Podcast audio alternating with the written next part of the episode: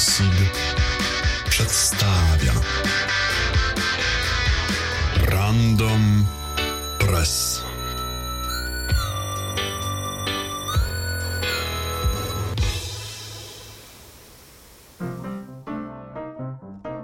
Kto w darknecie urle pieści, temu kark porośnie w sierści. Witam w Random Pressie o numerze 010, czyli 11 odcinku, a w nim między innymi informacje o ofensywnym wirusie komputerowym tworzonym przez Japończyków, inteligentnych zamkach do drzwi i związanych z nimi problemach natury technologicznej, ale również prawnej, zamknięciu kolejnego marketu w dark webie i szantażowaniu użytkowników GitHuba.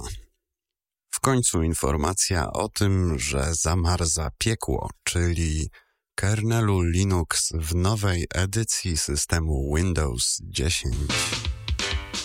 Microsoft News za Kyodo News podaje, że w kraju kwitnącej wiśni do marca przyszłego roku, czyli 2020 ma powstać wirus komputerowy, który będzie chronił przed atakami cyberprzestępców z innych państw. Projekt sponsoruje tamtejsze Ministerstwo Obrony, ale wykonania podjęła się prywatna firma. Warto zauważyć, że wirusy jako takie nie są mechanizmem zabezpieczającym przed atakami, ale mogą być używane w reakcji na taki atak jako kontratak. Problem może być tutaj taki, że niektóre państwa wynajmą wystarczająco inteligentnych cyberprzestępców, którzy doprowadzą do sytuacji takiej, że japoński wirus będzie atakował wskazane przez nich cele.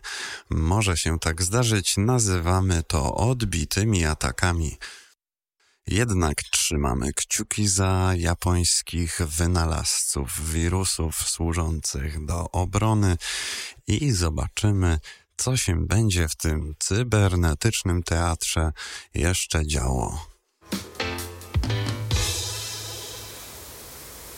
Serwis TechCrunch podaje o zamknięciu Deep.web, działającej do niedawna usługi internetowej, która umożliwiała użytkownikom korzystanie z serwisów webowych umieszczonych w tak zwanym darknecie, czyli wirtualnych sieciach, dla których medium jest internet, a które pozwalają w sposób no teoretycznie anonimowy na komunikację między użytkownikami, a także między usługodawcami a usługobiorcami.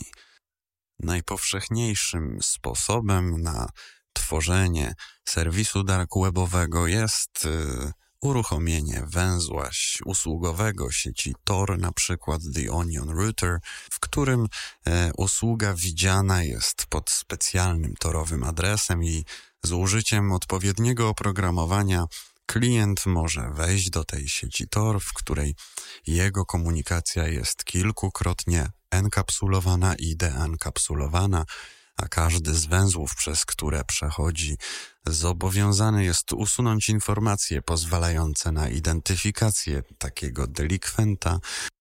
Ale wracając do naszej informacji, dwóch podejrzanych aresztowano w Izraelu. Dokonano również aresztowań we Francji, Niemczech i Holandii. Mały przeciek e, informacyjny blisko źródła tych operacji sugeruje, że szefem całego przedsięwzięcia był jeden z administratorów zlokalizowany i również aresztowany w Brazylii.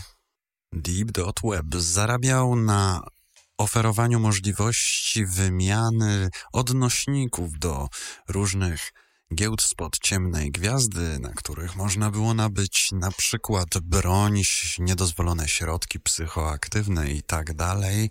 W dark webie sporym problemem jest to, żeby znaleźć właściwy, bezpieczny dla użytkownika serwis, e, takiej dobrej jakości odnośniki polecające e, są czasem bardzo wartościowe. Oficjalną przyczyną zamknięcia serwisu jest natomiast posądzenie o pranie brudnych pieniędzy. Serwis ZDNet donosi, że niemiecka policja razem z Europolem i paroma agencjami z innych państw, np. Stanów Zjednoczonych czy Holandii i Francji, dokonała przejęcia serwera, na którym działała bardzo popularna giełda dark webowa znana jako Wall Street Market. Usługa skupiała ponad milion użytkowników, z czego prawie 5,5 tysiąca byli to dostawcy nielegalnych produktów, np. narkotyków czy broni.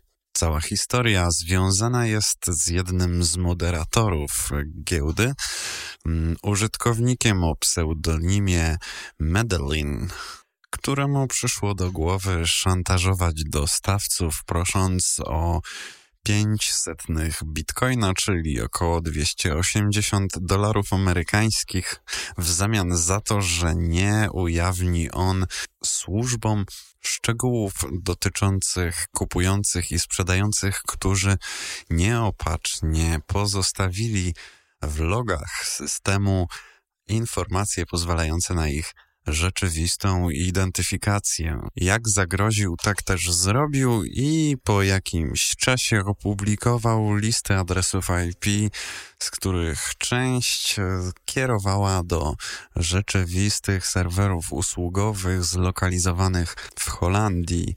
Poza tym ujawnione przez niego dane pozwalały każdemu zalogować się do interfejsu administracyjnego WSM i sprawdzić informacje dotyczące sprzedających i kupujących. Jeżeli taki nieostrożny użytkownik zostawił wśród podawanych przez siebie danych jakieś e, perełki pozwalające go zlokalizować, no to w tej chwili powinien zacząć się obawiać. Temat jest głęboki, e, są w nim również wątki namierzenia tego użytkownika już wcześniej przez organy ścigania i wiele innych pobocznych historii, a w naszym polskim serwisie Zaufana Trzecia Strona jest cykl artykułów, który dokładnie opisuje tę historię. I kolejny ciekawy news, e, też od ZDNet. Brytyjska skarbówka musi usunąć dane biometryczne 5 milionów obywateli, ponieważ Biuro Komisarza do Spraw Informacji zbadało, że nie uzyskała ona zgody od tych obywateli na przetwarzanie tego rodzaju informacji. Biuro Komisarza do Spraw Informacji, w skrócie The ICO, to taka niezależna brytyjska instytucja publiczna, która stoi na straży prawa obywateli do informacji publicznej, a także ochrony ich danych. Będące przedmiotem sporu informacje to dane biometryczne wykorzystywane w systemie uwierzytelniania takiego wstępnego, aby szybciej móc e, porozmawiać z konsultantem, który udzieli podatnikowi pomocy. No i tutaj życzę, żebyśmy my tutaj w tej naszej mlekiem i miodem płynącej Polsce, której wszyscy zazdroszczą, też mieli tego rodzaju problemy z urzędami skarbowymi.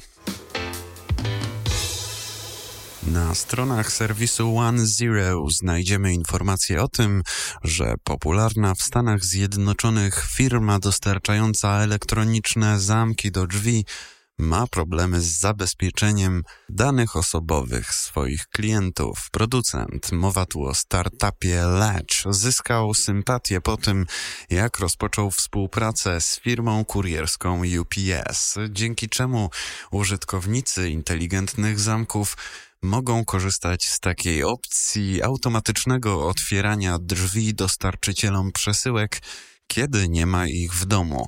Pomysł przedni, ale problemy spółki, która uzbierała prawie, prawie 100 milionów dolarów funduszy od prywatnych inwestorów, związane są z czym innym, a dokładniej z takim dokumentem zwanym polityką prywatności, w której czytamy, że użytkownik takiego zamka wyraża zgodę na dzielenie się przez tą spółkę zgromadzonymi danymi, w tym danymi określanymi jako wrażliwe, z innymi podmiotami, a czasem nawet właścicielami posesji, którzy prowadzą wynajem. W skład takich danych e, wchodzą nie tylko dane osobowe, czy tam informacje dotyczące czasów otwierania i zamykania drzwi, ale czasami również informacje geolokalizacyjne, które pozwalają sprawdzać, gdzie przebywa użytkownik aplikacji używanej do otwierania zamka.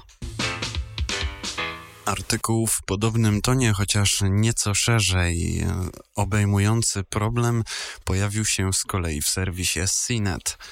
Tam e, w publikacji zatytułowanej Tenants win a settlement order, landlords give physical keys over smart locks. Mamy tam przykład ugody sądowej, e, w której sędzia nakazał właścicielom posesji którzy wynajmowali je ludziom, e, udostępniać im fizyczne klucze do e, zamków e, i nie polegać wyłącznie na smart lockach, które mogą być zdalnie bądź lokalnie uruchamiane przez każdego wyposażonego w odpowiednią aplikację i informacje uwierzytelniające. Poza kwestiami dotyczącymi ochrony danych osobowych podnoszono również, że wyposażanie mieszkań w takie elektroniczne sposoby dostępu nie jest usługą bazową wymaganą, lecz czymś dodatkowym, a niektórym użytkownikom ona wręcz przeszkadza, ponieważ wymaga od nich wyrażania jakichś zgód instalowania aplikacji, co może być traktowane w takich systemach podobnych do polskiego. Najbliżej temu będzie do tak zwanych e, usług powiązanych, czyli jeżeli chcesz wynająć mieszkanie, to musisz wyrazić zgodę i zainstalować jakąś aplikację, co nie jest mile widziane, a także nie jest do końca zgodne z prawem, nawet w krajach, w których obowiązuje common law. A w internetowym wydaniu PC Magazine możemy przeczytać o tym, jak cyberprzestępcy, którzy z różnych źródeł uzyskali informacje uwierzytelniające, pozwalające zalogować się do repozytoriów kodu źródłowego, w szczególności GitHuba, dokonują zabezpieczenia nieodwracalnego znalezionych tam kodów źródłowych, a następnie szantażują użytkowników e, hasłem daj bitcoina, daj bitcoina. Zaatakowanych jest około 400 repozytoriów GitHuba i cechuje ten atak e, sztampowa notka o tym, że napastnik domaga się wypłaty 0,1 e, bitcoina na podany przez niego adres. Na szczęście usługodawca, czyli GitHub, dopomaga tak pokrzywdzonym użytkownikom i proponuje im przywrócenie zawartości skasowanych repozytoriów z backupów, czyli kopii zapasowych. New York Times podaje, że w Stanach Zjednoczonych w środowiskach związanych z służbami specjalnymi mamy do czynienia z podwyższonym poziomem trwogi. Przyczyną jest kradzież przez chiński wywiad narzędzi krakerskich używanych przez Narodową Agencję Bezpieczeństwa NSA i przerobieniem ich w taki sposób, aby w roku 2016 prowadzić ataki wymierzone w USA i ich sprzymierzeńców. Co się potem jeszcze stało, ciekawostka, mianowicie część z tych narzędzi ukazała się, opublikowana została w sieci internet przez grupę nazywającą się Shadow Brokers, a następnie takie już mm, ujawnione narzędzia używane były przez Rosję i Koreę Północną do prowadzenia globalnych ataków. W sumie z powodu wycieku tego oprogramowania ucierpiały publiczne i prywatne firmy zlokalizowane w Europie, Azji i Stanach Zjednoczonych. Windows Subsystem for Linux to nazwa mechanizmu wbudowanego w niektóre systemy rodziny Windows, dzięki czemu można w tych systemach uruchamiać w takim zwirtualizowanym mini środowisku aplikacje kompilowane do współpracy z systemem Linux. WSL w wersji pierwszej zawierał właśnie taki mały sandbox, taką piaskownicę z konektorami do podsystemów oryginalnego kernela Windowsowego, aby aplikacje e, z userlandu, czyli z przestrzeni użytkownika, które skompilowano do współpracy z Linuxem, mogły funkcjonować tam w takim trochę emulowanym trybie. Nie było to zbyt wydajne. A tutaj Microsoft zaskakuje nas decyzją, że w WSL w wydaniu drugim już nie będzie tyle emulacji w tej wirtualizacji, ale z systemem Windows dostarczony zostanie cały kernel Linux w wersji 4.19, a więcej informacji na ten temat możemy przeczytać w serwisie The Verge Artykuł nosi tytuł Microsoft will ship a full Linux kernel in Windows 10. Jak to by powiedzieli użytkownicy serwisu Wykop w komentarzach, mmm, to będzie rok Linuxa. A może właśnie nie, może właśnie rok Windows. I tym pozytywnym akcentem kończymy dzisiejszy pakiet newsów w ramach Random Pressa. Mam nadzieję, zobaczymy się, usłyszymy nawet już niedługo. Tymczasem będę przygotowywał się do wydania nowego podcastu, nowej audycji, w której prowadzę wywiady z ciekawymi ludźmi. No i oczywiście zacznę, uchylę rąbka tajemnicy, zacznę od programowania w Clojure i od jednego z pionierów tego języka w Polsce.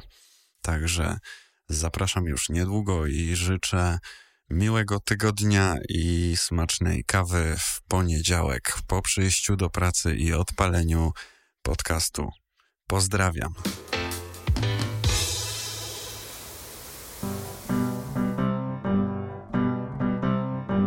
A kastodianie i opiekunowie tego odcinka, czyli ludzie, którzy dostarczyli newsów, to Daniel S., Adam H. i Freddy, Freddy F.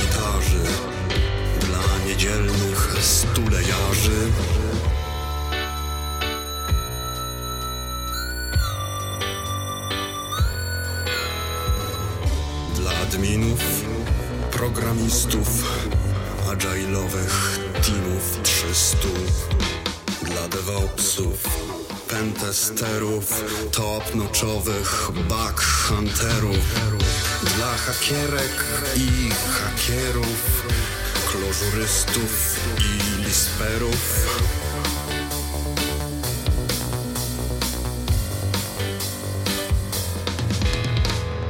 Dla ćwiczących gdzieś dla masy, randomowy przegląd prasy.